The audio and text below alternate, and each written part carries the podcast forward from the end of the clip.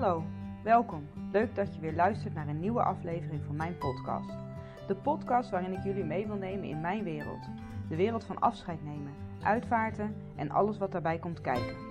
Ik vertel je over mijn werk als afscheidsfotograaf, maar zal ook andere professionals die in deze branche werken aan het woord laten. Wat drijft hen? Wat is er allemaal mogelijk en wat is er zo mooi aan werken in deze branche? Ik wens jullie veel inspiratie, inzichten en luisterplezier toe.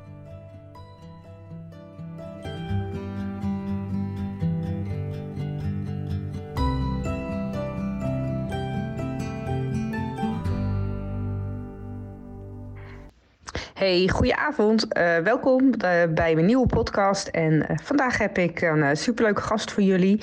En dat is Nathalie van Hemelwieg. En um, zij heeft iets heel bijzonders gecreëerd. Um, ontstaan vanuit een, een eigen ervaring en een eigen gemis. 26 jaar geleden toen ze haar tweeling verloor tijdens de zwangerschap. En... Um, nou ja, ik heb een, uh, een persoonlijk en bijzonder gesprek over dat wat zij gemaakt heeft en um, hoe, zij um, het verlies heeft ervaren en hoe dat, nou ja, dit tot stand heeft gebracht. Um, heel veel plezier met het luisteren en uh, nou, tot de volgende. Ja, welkom uh, allemaal bij een nieuwe podcast. En ik zit hier virtueel tegenover Nathalie van Hemel, Hemelwieg. Zegt goed, hè? En ja. Um, ja, ik vind het fijn als uh, de gasten zichzelf gewoon even voorstellen. Wat wil je aan ons kwijt? Wie ben je? Wat doe je? Waar woon je? Wat reis je? nou, hallo. Ik ben uh, Nathalie Roelofsen. Ik heb een filtatelier in Harderwijk. Ik ben moeder van drie zonen. En uh, ik heb een man. En uh, nou, mijn eerste zwangerschap, dat is niet, is niet goed gegaan. Dat was een zwangerschap van een tweeling. En uh, uiteindelijk uh, heb ik daar uh, geen afscheid van kunnen nemen en ben ik, um, heb ik hemelwieg ontwikkeld. voor andere mensen dat ze afscheid kunnen nemen. Um, maar ik ben al begonnen met Filting Fingers. Dat is mijn atelier in Harderwijk. Daar kun je van alles doen in de vorm van workshops, kinderfeestjes. Maar daar maak ik ook hoeden en sjaals. En dan uh, is later hemelwieg ontwikkeld toen ik hoorde van de watermethode. Oké, mooi. Um, nou, om met de deur in huis te vallen, uh, want je laat het heel te loops vallen, uh, watermethode. Um, nu is mijn, uh, zijn mijn luisteraars heel divers, van fotografen tot mensen die iemand verloren hebben, tot, tot mensen uit de branche. niet iedereen zal die term ja, kennen. Kun je maar even leggen wat, wat, wat je bedoelt met de watermethode? Wat houdt dat in? Nou, het wordt uh, watermethode genoemd. En ik ben het zelf wateropbaring gaan noemen, omdat uh, het is een methode, maar ik vind uh, wateropbaring vriendelijker klinken. En dat betekent dat als een kindje wordt geboren tijdens de zwangerschap, maar dan te vroeg, dus nog niet levensvatbaar, dan uh, kun je gebruik maken van zo'n wateropbaring. En dat is dan een bakje met water, gewoon kraanwater. En daarin gaat dan dat hele kleine kindje, wat heel erg kwetsbaar is, waar de huid heel kwetsbaar van is. En als het dan uh, wordt geboren met 12 weken of met 14, 16, 18, noem het maar op, dan kun je gebruik maken dus van deze manier van opbaren, zodat je langer kan doen over het afscheid, voordat het werkelijke afscheid komt. Ja, ja. ja ik, ben, uh, ik ben natuurlijk een beelddenker. Um, uh, dus voor de luisteraars, het is, um, ja, ik heb het meerdere malen in mijn werk gezien. Uh, het gebeurt soms heel praktisch, bij wijze van spreken in een plastic bakje. Um, maar vaak ook in een, in een glazen kom. En dan, dan drijft als het ware het kindje daarin, zoals dat ook in de buik was. En, en door het water ja, blijven ze dan ja, heel uh, plastisch gezegd van veel langer mooi en goed. Ja, klopt. Ja, dat klopt. Ik, uh, nou ja, toen ik dan in 2017 van de wateropbaring uh, watermethode hoorde. En ik ook hoorde van uh, mensen dat dat dan in de koelkast kon staan. Nou ja, daar ligt ook je eten. dan ja, had ik zoiets van, ik vond het zelf niet zo'n prettig idee. En ik vond het kil en koud. Alleen een bakje met water met een kindje erin. Dus ja, dan heb je een creatieve geest en die gaat dan aan de slag.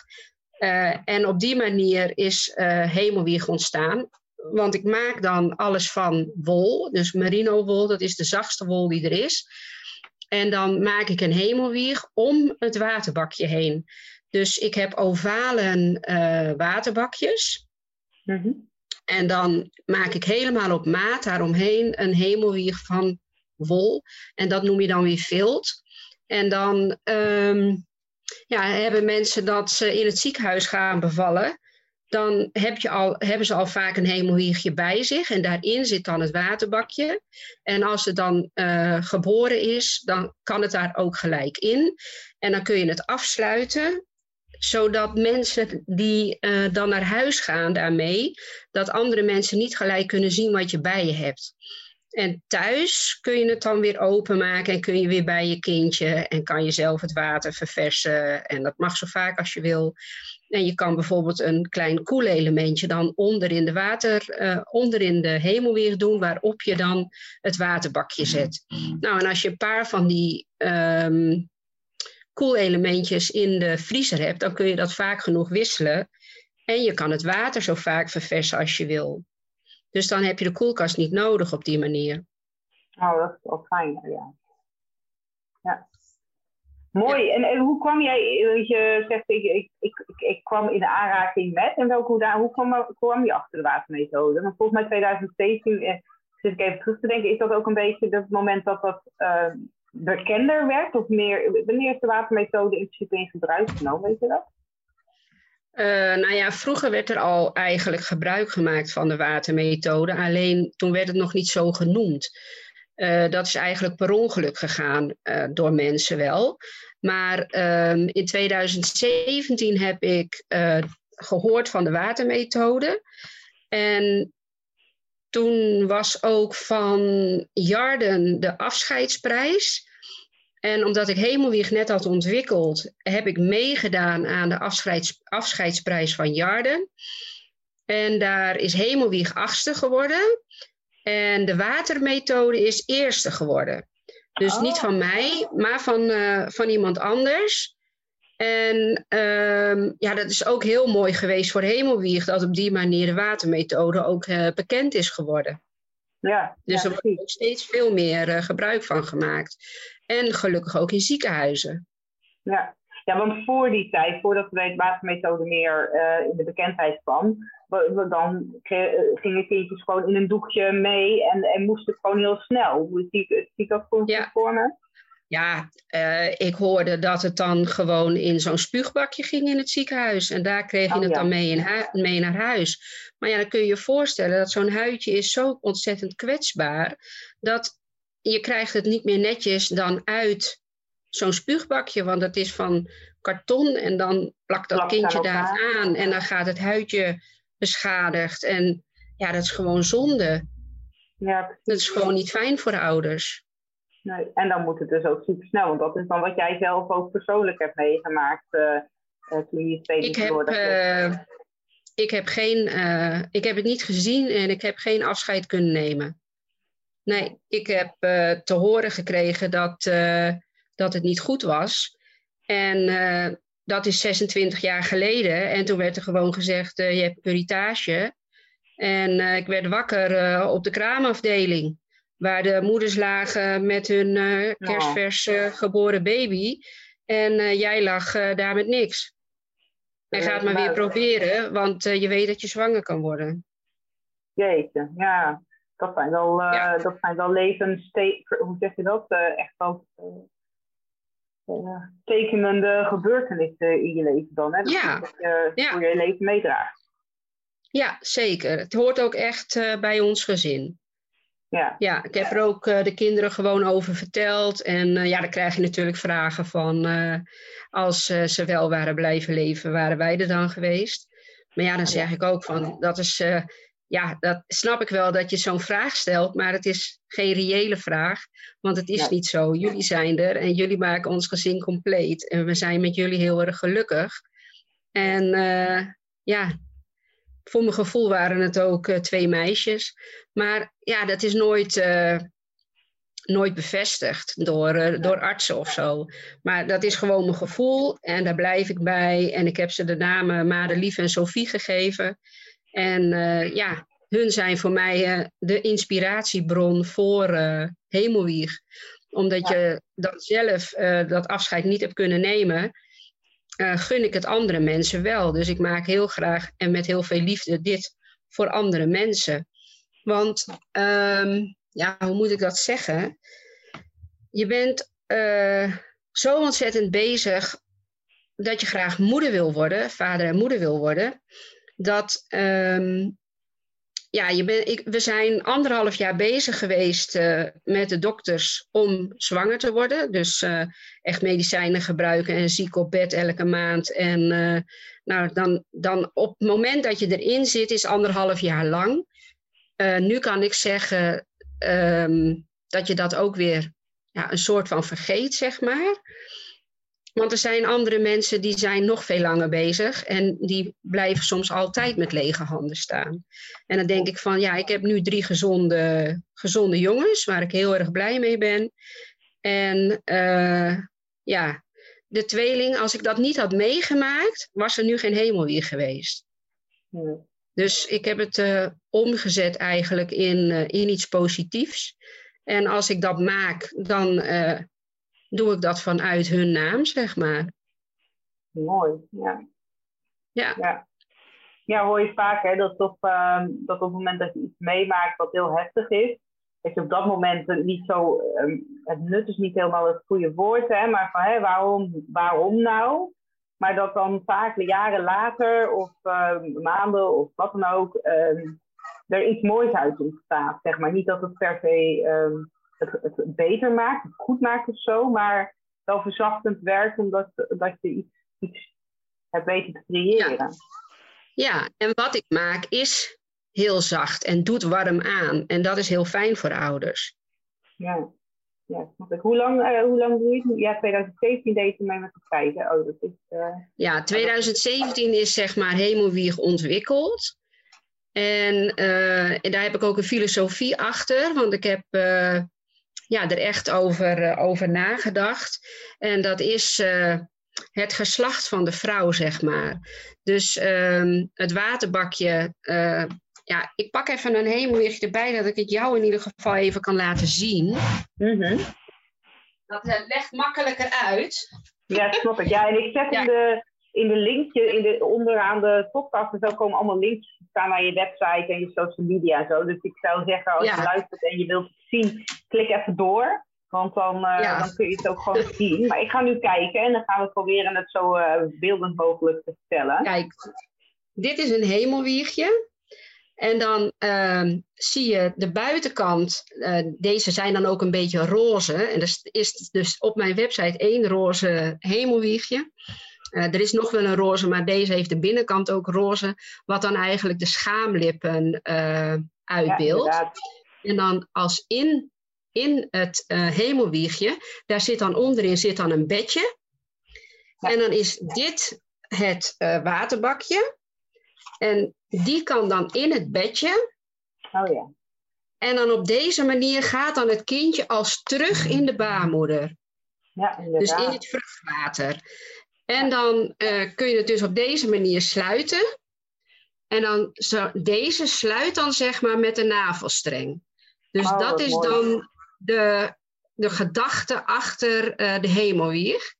Ja, het is niet zomaar alleen maar een verpakking, zeg maar, het heeft ook echt een symboliek, zeg maar, in de vorm. Ja, echt een symboliek. En, en de materialen. En de ja, ja. ja, het zachte, warme. Want uh, ja, ik heb dan wel eens uh, in een bericht op social media ook geschreven. Uh, dat wil iedereen voor zijn kindje een zacht en warm afscheid. Ja, en dan krijg je natuurlijk ook reacties. Dat wil je helemaal niet. Nee, ik snap natuurlijk wel dat mensen hun kindje niet willen verliezen. Maar als dat dan gebeurt, dan wil je gewoon het allermooiste en beste voor je kindje. En voor de een is dat een hemelwieg en voor de ander is dat een, een mandje of een kistje of een hartje of uh, een urn. Of, hè? Ja. Dus dat, uh, er komt steeds meer uh, keus voor mensen dat ze, ja, ze kunnen tegenwoordig kiezen. Vroeger ja, dat is belangrijk, hè? Je, maar... Zoveel mensen, zoveel wensen en hoeveel smaak. Wat voor jou passend is, hoeft voor de ander niet passend te zijn. En het is belangrijk. Nee. Dat, dat is ook de reden waarom ik deze podcast heb. Omdat ik heel erg merkte dat mensen geen benul hebben van wat er allemaal in de branche mogelijk is. En hoeveel mooie initiatieven en dingen er zijn. Um, maar, ja. mensen horen er te weinig van of zijn er ook gewoon simpelweg niet mee bezig. Hè? Dat kan natuurlijk ook. Maar ik hoop dan elke keer door, door een podcast te maken met iemand die weer iets, iets brengt in de branche. Um, er hoeft maar één iemand het te horen en vervolgens het tegen iemand te zeggen die het nodig heeft. En dan is, dan is deze hele podcast gewoon al de moeite waard om zo samen met elkaar te zitten. Al, kunnen we maar één iemand daarmee uh, mee helpen. Dus uh, ja. ja. En ik herken erg wat je zegt erover van, uh, van ja, maar dat wil je toch niet? Nee, dat snap ik ook. En ik heb dat heel vaak als ik een afscheid heb meegemaakt. Van, vind dat een mooi afscheid? Of wat hebben jullie dat mooi gedaan? Of wat was het warm en liefdevol? En weet je, je wilt helemaal niet dat het is. Maar als het er dan is, het afscheid, dan is het fijn als het, als het een liefdevol en warm afscheid is geweest. Waar je het goed op terugkijkt. Dus uh, ja. Ja, zeker. Kenbaar. En, um, ja, want... Ja, zo. nee, ik wou zeggen van, uh, kijk, hemelwieg kan ook niet iedereen uh, bedienen. Want er zijn 30.000 mensen die een kindje verliezen per jaar, alleen in Nederland. Dus er moeten ook gewoon uh, heel veel keus zijn voor mensen. Ja, ja. ja. ja want wat, wat, is, wat kun jij bedienen? Daar ben ik dan wel nieuwsgierig. Want elk ding is natuurlijk handgemaakt. En doe je het allemaal alleen? Doe je, of heb jij nog meer mensen die dat met jou doen? Nee, je doet het allemaal zelf. Nee, ik doe echt alles alleen. Ja, ja precies. Ja, zeker. Ja, dan zitten mijn aarde zoveel uren in een dag natuurlijk. Ja, ik kan uh, één hemelwieg per dag maken, zeg maar. Uh, en ik ben natuurlijk niet de hele dag ermee bezig, want ik heb ook nog andere dingen die ik doe.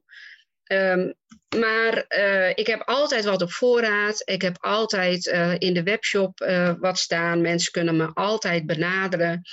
En uh, dat staat ook op mijn website. Uh, als je speciale wensen hebt, dan kun je dat ook aangeven. Als je iets wil met hartjes of sterretjes of vlinders. Of, ja, dat maakt niet uit. Uh, overleg met mij wat de mogelijkheden zijn. En ja, heb je het dezelfde dag bij wijze van spreken nog nodig en zit het niet in de collectie, ja, dan laat ik alles uit mijn handen vallen en dat ga ik dan doen die dag. Ja, mooi. Ja, ja, en als het, tweeledig. Je hebt een voorraad, zeg maar, van... Uh, is, is elke uniek of heb jij een bepaald ontwerp die je dan een aantal keer maakt? Of als je op je website kijkt in je webshop, is elk, elk Eigenlijk, stuk? Uh, ja, alles is uniek omdat het handgemaakt is. Je kan nooit precies dezelfde maken. Alleen je, je ziet wel dingen terugkomen. De vorm is altijd gelijk. En de een valt wat groter uit dan de ander, omdat uh, vilt, dat krimpt als je het gaat maken 30%. Dus daar moet je met het ontwerp rekening mee houden. Maar uh, ja, en de meeste die ik heb zijn uh, wit. En dan met iets erbij, of een sterretje of een hartje of een bloemetje. Of, hè, en de ene keer is dat met, met zijde en de andere keer is het met verschillende kleurtjes wol die erin worden verwerkt. En dat is ook net wat de mensen mooi vinden. Um, ik kan ook een gekleurde hemelwieg maken. Dus uh, alle kleuren van de regenboog heb ik in huis. En daar kan ik gewoon uh, mee aan het werk gaan. Um, je kan niet precies zeggen, ik wil hier een plukje en daar een plukje. Want ik uh, maak het intuïtief, dus op gevoel. En um, ja, op die manier. Dus ja. veel mogelijk. Ja, dus naast de webshop heb je dan het uh, op maat maken, zeg maar. En uh, dan ga je gewoon het gesprek aan met mensen. Of, of weten ze misschien al wat ze willen. En anders help jij ze erbij met bepaalde vragen of zo. Hoe dat eruit moet komen te zien. Ja, klopt. Ja, de kleinste is dan uh, tot 12 weken. En de maat daarna is tot 16, 17 weken. En dan heb ik er nog één 20, 24 weken. En wil je voor een kindje van 30 weken, dan kan ik dat ook maken. Maar dat moet dan gemaakt worden. Die heb ik niet uh, kant en klaar uh, staan. En voor volgroeide babytjes, die dus worden geboren net voor of net na de geboorte en die overlijden, daarvoor is hemelwaarde. Dus dat is dan ja, voor echt een doek waar ze dan in komen te liggen. En de binnenkant is uh, heel mooi een uh, vlinder. Dus als je dan de doek om het babytje heen slaat, dan ligt het kindje in de vleugels van de vlinder. Maar dat zie je niet aan de buitenkant. Oh, wat mooi.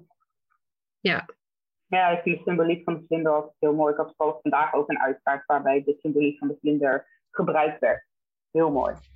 Trans ja. Transformeren van rups naar vlinder. Uh, inderdaad, de vlindervleugels. Ja. Er zit zoveel moois in de symboliek van de vlinder. Ja, zelf is uh, voor mij dat ook mijn, uh, mijn favoriet, zeg maar. Dan ja. sluiten ze ook met uh, vlinders. Dus ik maak ja, losse vlinders, zeg maar. En daarvan, die zitten dan op het hemelwiegje of op de wade. vaak als sluiting ook. Dus dan is dat het knoopje. En dan, oh, ja, dan, dan, dan zie je hem ook echt zo met die vlindervleugeltjes open, zeg maar. Ja. ja. Ja, ik vind het zo mooi. Weet je, die vlinder die komt daarna niet alleen bij het afscheid, maar hoor je dan ook later hè, dat hij heel vaak ook terugkomt. Of als we dan vlinders zien, we even terugdenken aan. En uh, dus het, uh, het gebruik van symboliek tijdens zoiets gaat zoveel meer verder dan alleen die dag zelf. Hè? Ja, zeker. Ja hoor, vind ik ook. En uh, ik heb dat zelf ook. als ik twee vlindertjes, die heb je wel, hè, dan zie je twee, zo twee vlindertjes en dan zie je die zo om elkaar heen dansen ja, dan moet ik altijd eventjes uh, aan mijn eigen zwangerschap denken. Zo van, ja, het zijn er twee. Ja. mooi. Ja. En even een hele praktische vraag. Hè? Uh, als dan het moment van afscheid daar is, is het heel duidelijk hoe je het kindje of kindjes thuis dan uh, ja, bij je houdt in de hemelwieg. Maar daarna kan de hemelwieg mee begraven worden of gaat mee de oven in, in bij het crematorium als, als afscheid genomen wordt? Ja, uh, vilt is helemaal een uh, natuurlijk materiaal. Dus dat uh, vergaat en dat mag gewoon begraven worden. haal je het plastic waterwiegje haal je eruit. En dan zit er een kleine wade zit er, bij. En daarin wikkel je het kindje. En dat gaat dan in het bedje van de hemelwieg zonder het plastic bakje. En dat sluit je dan definitief af. Of dus met de vlinders of een ster of een hartje als sluiting of een navelstreng, zeg ik maar even. En dan is dat ook voor definitieve afscheid. Ja. ja, mooi. Ja, heel bijzonder. Ja, ik, ik vind het altijd lastig als uh, iets, wat zo visueel is om dat te bespreken in de podcast, maar volgens mij komt het wel over. Um, wat vind jij, als je terugkijkt in de afgelopen jaren, kun je een bepaalde opdracht of een bepaalde ontwerp terughalen waarvan je zegt, nou, dat, dat, was zo bijzonder, daar heb ik echt nou, daar heb ik hele mooie herinneringen aan. Nou, wat ik heel bijzonder vond, dat was dat ik net Hemelwieg had ontwikkeld en dat ik gebeld werd door een aanstaande vader. En ehm, die hadden op mijn website gekeken en die hadden een hemelwiegje gezien, helemaal wit met een sterretje. En ehm, hij vertelde dan dat zijn vrouw nog zwanger was, maar dat de zwangerschap afgebroken moest worden omdat er iets niet goed was met het kindje. En of ze dan dat hemelwiegje mochten komen bekijken. En toen hadden we voor de volgende dag hadden we afgesproken en toen hingen we op en toen heb ik echt een traan gelaten. En toen zei mijn man tegen me, hij zegt, ja, zegt hij, nu komt het wel heel dichtbij. Ik zeg, ja. Ik zeg, maar als het me niks zou doen, ik zeg, dan zou het ook niet goed zijn. Dus uh, het was heel mooi eigenlijk om bij mezelf te merken dat ik er uh, emotioneel van werd. En uh, ja, dat die mensen kozen voor een hemelwiegje. En toen heb ik alles in het atelier klaargezet, waar dus ook de leuke dingen gebeuren en waar uh, heel veel vrolijkheid aan de muren hangt en staat. En toen had ik het helemaal ingericht met de hemelwiegjes die ik had. En uh, toen zijn ze geweest de volgende dag. En toen zei ik ook, ik zeg ja, ik zeg als we dan zo meteen naar het atelier gaan. Ik zeg dat is dus uh, ook heel veel vrolijkheid. Ik zeg maar als je binnenkomt word je gelijk geconfronteerd met de hemelwiegjes. En ja, dat was een heel emotioneel moment. En toen zagen ze dan ook het hemelweertje staan waar ze verliefd eigenlijk op waren geworden. En die is het ook geworden uiteindelijk. En ehm, toen uh, stootte zij haar hoofd aan een engeltje die boven haar hing. En uh, die pakte ze vast in haar handen. En die was gemaakt van het, ja, die was gewoon van hetzelfde als de hemelwicht die ze hadden gekozen. Met hele kleine witte pailletjes zaten daaraan aan het engeltje. En die zaten alleen op het sterretje van, van de hemelwieg. Ja, en die heb ik toen meegegeven, zodat ze die uh, dan zelf konden houden. Uh, ja, het was, gewoon, het was gewoon heel mooi. En uh, het is gewoon heel apart dat mensen die zo ontzettend verdrietig zijn, dat ze afscheid nemen moeten van wat hun zo dierbaar is, wat zo welkom is. En dat ze dan tegelijkertijd blij zijn met een hemelweer. Ja.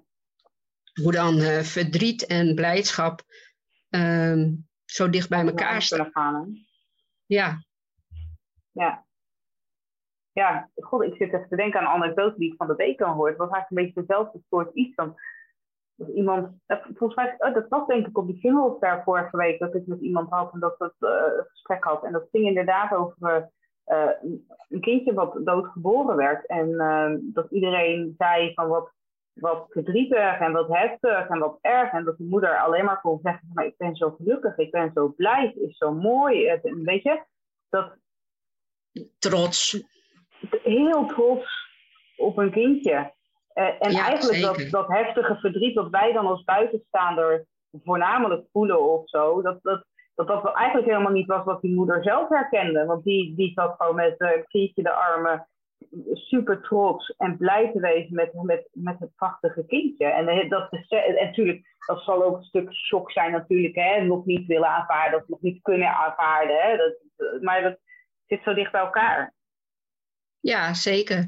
Want ouders die dit hebben meegemaakt, die willen niets liever dan dat de naam van hun kindje gewoon genoemd wordt. En dat er gewoon over gepraat wordt. En dat ze gewoon vragen, hoe gaat het nu? En niet het verzwijgen, want dat, dat is wel echt het minst goede wat je kan doen. Ja. Ja, ja, ja ik, ik, ik feliciteer ouders ook altijd met de geboorte van hun kindje. En in dezelfde zin uh, condoleer ik ze ook of wens ik heel veel sterkte. Maar inderdaad, het erkennen van uh, het, de geboorte van hun kindje is, is heel belangrijk. Van, van, ja, gefeliciteerd, want er is ook trots voor hun ja, kindje. Zeker. En dankbaarheid. Ja. En, um, en dat, ik leid andere fotografen op. En als ik dat dan zeg, voel ik, zie ik altijd dat ze daar heel ongemakkelijk van worden. Van moet ik nou echt een ouder die net een kindje verloren heeft ook feliciteren? Ik denk, nee, je moet helemaal niks. Maar ik vind dat heel prettig om te doen. En ik merk dat het eigenlijk altijd in goede aarde valt. Want mensen, ja. ja ze zijn ouder geworden op dat moment. Zeker als het een eerste ja. kind is. Hè? Je wordt voor de eerste keer moeder. Je wordt voor de eerste keer vader. Die transformatie ja. is er. Ook al heb je geen zeker. kindje, die tra- transformatie is gebeurd. Ja, ja. En ehm, ja, de een eh, verliest het kindje heel vroeg in de zwangerschap en de ander eh, verliest een, een kindje laat in de zwangerschap of net na de geboorte. En ehm, iedereen mag zijn eigen verdriet hebben. Het is ook niet zo, eh, er wordt vaak gezegd van als het kindje dan al helemaal volgroeid is, dan is het erger. Maar ja, dat is voor iedereen heel persoonlijk en iedereen mag gewoon zijn eigen verdriet hebben. En ook als het, als het een miskraam is, vroeg in de zwangerschap. Ik zeg ook altijd, vanaf het moment dat je weet dat je zwanger bent, is het je kindje. En als je het dan verliest, dan verlies je je kindje. En het blijft voor echt altijd een onderdeel van, van je gezin. En dat kindje, helemaal als dan de eerste zwangerschap is, dat kindje het kindje wat jouw vader en moeder hebt gemaakt. En ehm je staat met lege handen en je hebt niks om voor te zorgen. En dat is ook het fijne weer dan van de wateropbaring.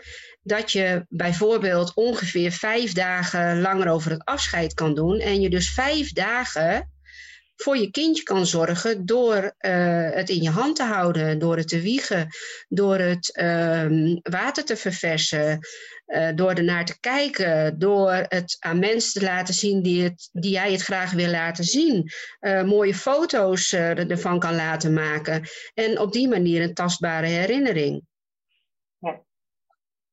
Nou, ik vind het wel heel mooi dat je dat zegt. Dus inderdaad op die manier ehm, dat zorgen, wat, wat, wat je dan niet van een, voor leeft, vind je dat je dat dus een alle aantal dagen voor, voor je stilgeboren kind gewoon kan doen. Ja. Dat dat een stuk, uh, een stuk heling ook. Uh, ja, dat, dat, dat is het begin van, van je rouwproces, uh, je rouwverwerking. Of ja, ja, ik zeg altijd, ja, je verwerkt het niet. je verweeft het in je leven.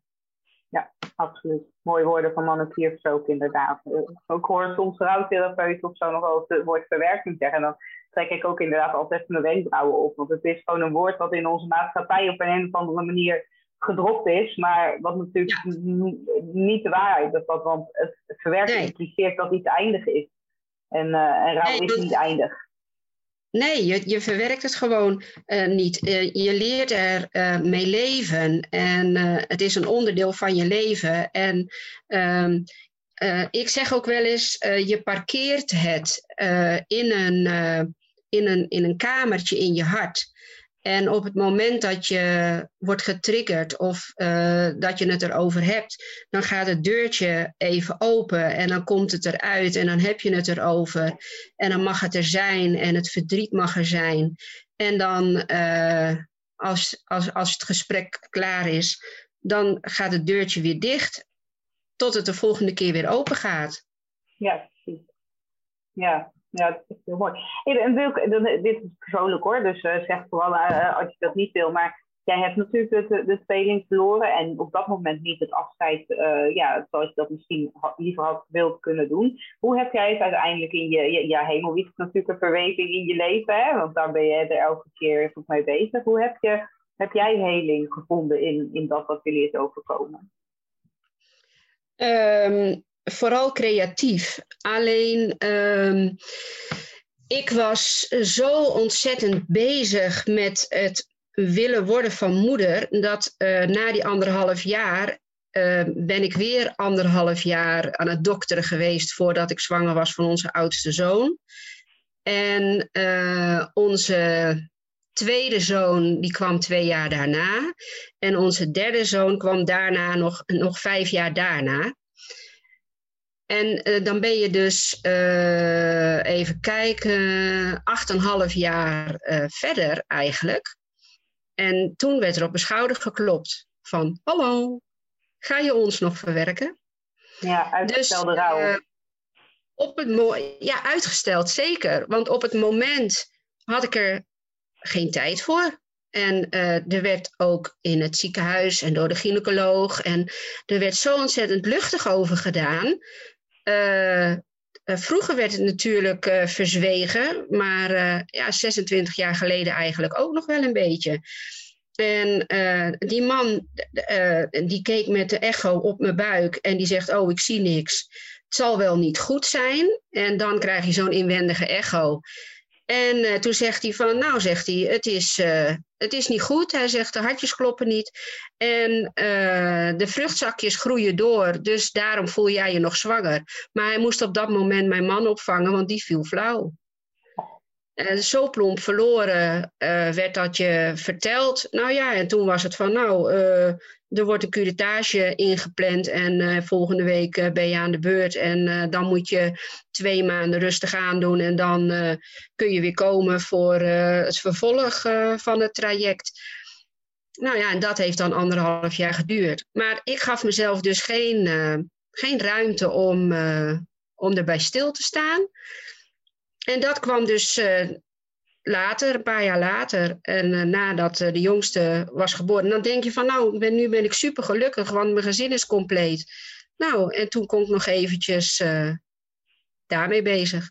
Dus ik heb dat gedaan door, nou, ik heb natuurlijk een filtatelier en ik heb engelen gevild en engelen geschilderd. En ik heb, en ik dacht dan, toen dacht ik van, oh, nou, als ik ze kan plat kan filteren, kan ik er misschien ook wel een beeld van maken. Dus ik heb uh, ook twee beelden staan van engelen. En dat zijn uh, Powertex uh, poppetjes, zeg maar. En dan met jurkjes aan van vilt.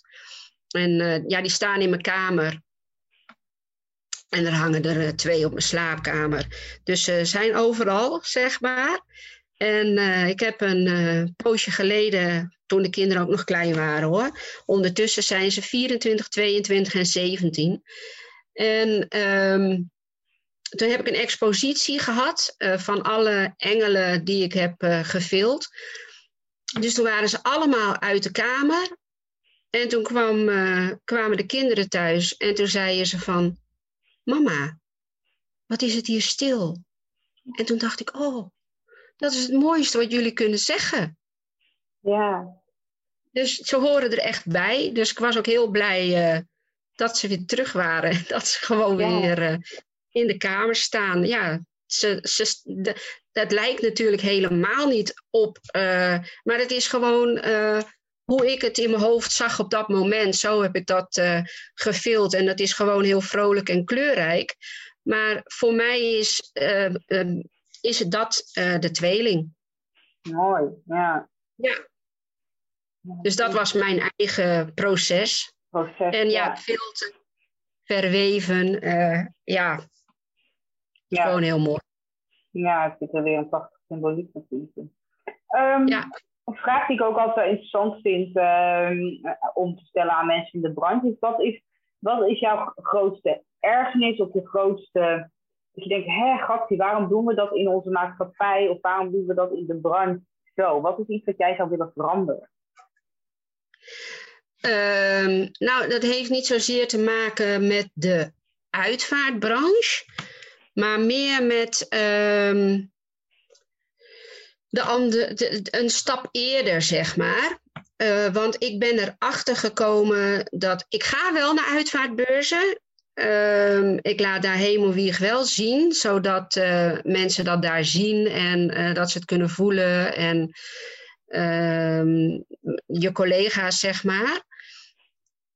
Um, maar ik ben de andere kant op gegaan. Ik ben uh, richting de ziekenhuizen gegaan.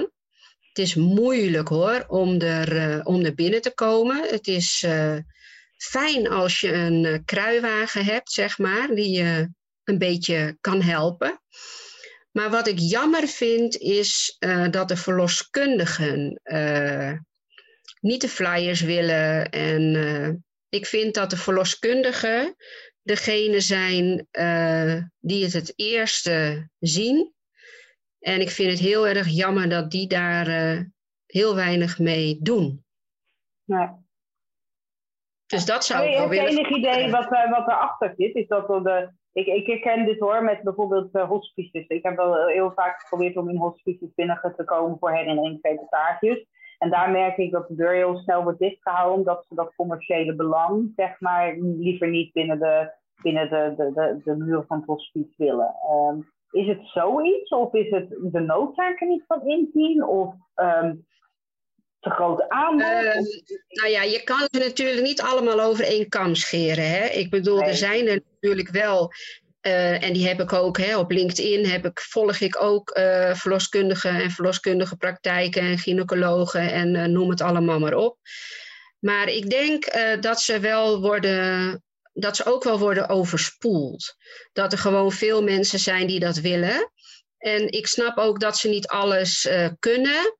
Maar het zou zo ontzettend mooi zijn als er wat voorbeelden um, in een envelop gaan uh, die mensen meekrijgen als ze te horen krijgen dat het niet in orde is. Want als je een miskraam krijgt, of een verliesgeboorte, hè, er zijn natuurlijk heel. Miskraam is niet zo'n heel fijn woord. Maar als je dat te horen krijgt en je moet dan nog gaan zoeken naar iets, dan, dan heb je zo weinig tijd. Dus um, eigenlijk zou het heel mooi zijn Kijk, als je zwanger bent, wil je alleen maar aan de leuke dingen denken. Dan wil je er niet aan denken dat het ook fout kan gaan. Maar dat is wel reëel. Dus eigenlijk zou het zo moeten zijn dat als mensen voor de eerste keer naar de verloskundige gaan, dat ze dan informatie krijgen. Ja. Dat ze thuis hebben liggen van nou, als, waarom zou je niet als je zwanger bent je een klein beetje verdiepen in dat het ook, dit is echt een wonder. Dus ik bedoel, hoe, het gaat zo ontzettend vaak fout en waarom niet bij jou? Ja. Als het fout gaat, dan denk je waarom bij mij? Ja. Maar ja, ik denk dat het heel uh, goed zou zijn als mensen van tevoren al uh, toch uh, daarover nadenken. Ik herken dit heel erg. Ik doe af en toe nog wel eens geboorte vastleggen. Ik, ik ben ooit begonnen als geboortefotograaf. En het scenario wat ik met aanstaande ouders altijd bespreek, is dit scenario. Dat, dan gaan we wel uit van het ultage zwangerschap. Maar goed, ik zeg ook altijd als eerder misgaat, ben ik er ook gewoon voor jullie. Ondanks dat ik dan wellicht nog niet op stand-by sta. Maar met name ook tijdens de bevalling. Hè? Ik bedoel, um, ja, we denken allemaal van allemaal happy happy en gaat allemaal goed en leuk en ik neem een uh, gezonde baby mee naar huis. Maar er zitten ook gevaren aan, zeg maar. En daar wil je, ja. daar wil je natuurlijk niet te veel nadruk op leggen. Hè? Daar, ben ik, oh, daar ben ik ook helemaal niet van. Ik geloof niet nee. in, in angst inboezemen, maar wel in een bepaalde nee, reali realiteit. Zo van, uh, ja. Want ik wil dan weten wat ze qua fotografie willen. Hè. Stel, er is een scenario dat het niet goed gaat met het kind, of niet goed gaat met de moeder. Wat zijn dan de wensen omtrent fotografie zoals je er nu in staat? Kan altijd wijzigen. Um, maar dan zie je mensen wel een beetje geschikt reageren. Zo van, oh ja, oh, de mensen die al eerder een, een, stilgeboorte, een misgaan hebben meegemaakt, die zijn zich er wel van bewust. Maar ja, ja degenen die een onbezorgde uh, zwangerschap hebben, die denken, nou, dat we niet per se doen weten, want ze snappen ook wel dat een bevalling uh, hè, pijn doet, uh, pittig kan zijn, et cetera. Maar het scenario dat het mis kan gaan, dat is een scenario wat veel mensen toch blokken. Ja, ja zeker. Dus ik bedoel, waarom niet standaard een rubriek in een geboorteblad hè, of een zwangerblad over dit soort dingen? Ja. Er wordt wel over geschreven. Ik heb ook pas in zo'n blaadje, heel mooi blad hoor, gestaan voor kraamverzorgden. Dus ja, ja. Het, nou ja, het, het gaat natuurlijk is op het moment. Zeg maar, maar ja. nog niet genoeg. Nou als je natuurlijk een voldragen kindje verliest, of, of iemand die al geboren is, een kind, volwassene, dan komt een huisartsleider over de toer. En die komt jou van allerlei opties geven. Dat is natuurlijk compleet anders dan bij een stilgeboorte. Dan ben je eigenlijk alleen daarna. Je bevalt. Ja. En um, ik weet niet in hoeverre het heel vaak voorkomt dat mensen op dat moment een uitvaartondernemer in, in de arm nemen. Want dat, dat gebeurt denk ik niet zo heel vaak. Uh, het mag natuurlijk alleen dat... wel. Ja. Maar uh, tot 24 weken uh, mag je gewoon zelf je kindje op een plekje begraven. Ja, precies. Ja. ja, dus ik denk dat veel mensen daarvoor zelf... Maar dan krijg je dus geen begeleiding. Dan, dan beval je en dan ga je naar huis. En daartussen zit geen professional meer die jou wijst op mogelijkheden. Maar heel veel mensen weten ook niet uh, dat je nog gebruik mag maken van kraamzorg. Nee, ik weet niet of dat voor de 24 weken mag, maar na de 24 weken wel. Ja. Mag je gebruik maken van kraamzorg? Daar heb je recht op. Ja, ja precies. Nou ja, dat is nog veel te winnen. Nou, daarvoor zitten we ook gelukkig bij elkaar om uh, dit soort gesprekken te voeren. Ja, ik, ik geloof dat ik mijn vraag wel een beetje gesteld heb die ik aan jou wilde stellen. Zijn er dingen die ik nu niet aan jou gevraagd heb, waardoor je niet hebt kunnen zeggen wat je wilde zeggen? Wat, wil je nog kwijt? Uh, er is nog één ding wat ik uh, kwijt wil. En dat is uh, dat ik naast Hemelwieg iets nieuws heb ontwikkeld. En dat komt steeds meer in de ziekenhuizen. En dat is um, een grotere wateropbaring. Dus dat is een wateropbaring van 16 weken, 20 weken en 24 weken. En daar heb ik opdracht voor gekregen van het MUMC in Maastricht om een uh, hemelwieg voor te maken. Alleen om zo'n grotere watermethode in een hemelwieg te zetten, dat uh, was niet te doen. En dan kan je het niet alleen. En dus heb ik iets ontwikkeld wat, eh, wat je alleen kan. En dat is de hemelwiegdeken geworden omdat uh, ik ze daar hoorde vertellen dat de ouders, oh, hè, als de moeder daar in het ziekenhuis ligt en het kindje ligt in de wateropbaring, dat ze het kindje ook willen toedekken. Dus ik heb iets gemaakt voor om de grote watermethode heen, uh, zodat je het kindje kan toedekken. En dat je, het, uh, dat je dus even het af kan sluiten en dat je niet gelijk ermee geconfronteerd wordt. En deze uh, manier wordt steeds vaker gebruikt in, in ziekenhuizen. En als ik uh, hemelwier ga schenken, want ik doe dus ook, heb een doneeractie. En dat is dat mensen die hemelwieg een warm hart toedragen, die kunnen doneren. En van het geld uh, wat er gedoneerd is, daarvan uh, koop ik materialen. En in mijn eigen tijd maak ik dan de hemelwieg. En die ga ik dan schenken in ziekenhuizen. Dus dan op die manier zijn dan de hemelwiegjes al op de plek van bestemming. En als mensen daar gaan bevallen van zo'n klein kindje, dan gaat het ziekenhuis weer de hemelwieg schenken aan deze ouders. Wat mooi. Dus dat uh, ja, ben ik ook heel blij mee. En dat het, uh, ik vond het in het begin natuurlijk vet moeilijk. Want ik denk van ja, ga ik om geld vragen, weet je wel. Ja, ja. Dat, dat vond ik best lastig. En toen heb ik het in onze groep, ik heb een netwerkgroep waar ik met vrouwen. En ehm, daar heb ik het toen voorgelegd. Zo van, nou, wat vinden jullie van dat idee? En ze zeiden allemaal in koor, als je dat gelijk gaat doen, dan gaan wij gelijk doneren. Nou ja, en de doneeractie loopt gewoon goed. En ik heb ondertussen aan uh, vier ziekenhuizen hemelwier gedoneerd. En um, de, de, de, er is weer gedoneerd, dus ik kan weer uh, naar een nieuw ziekenhuis. En um, ik heb aan een doula ook al uh, gedoneerd. En uh, ja, dus uh, hele mooie ontwikkelingen. Heel en, mooi. Ja, om, om Hemelwieg bekender te maken. Ja, prachtig.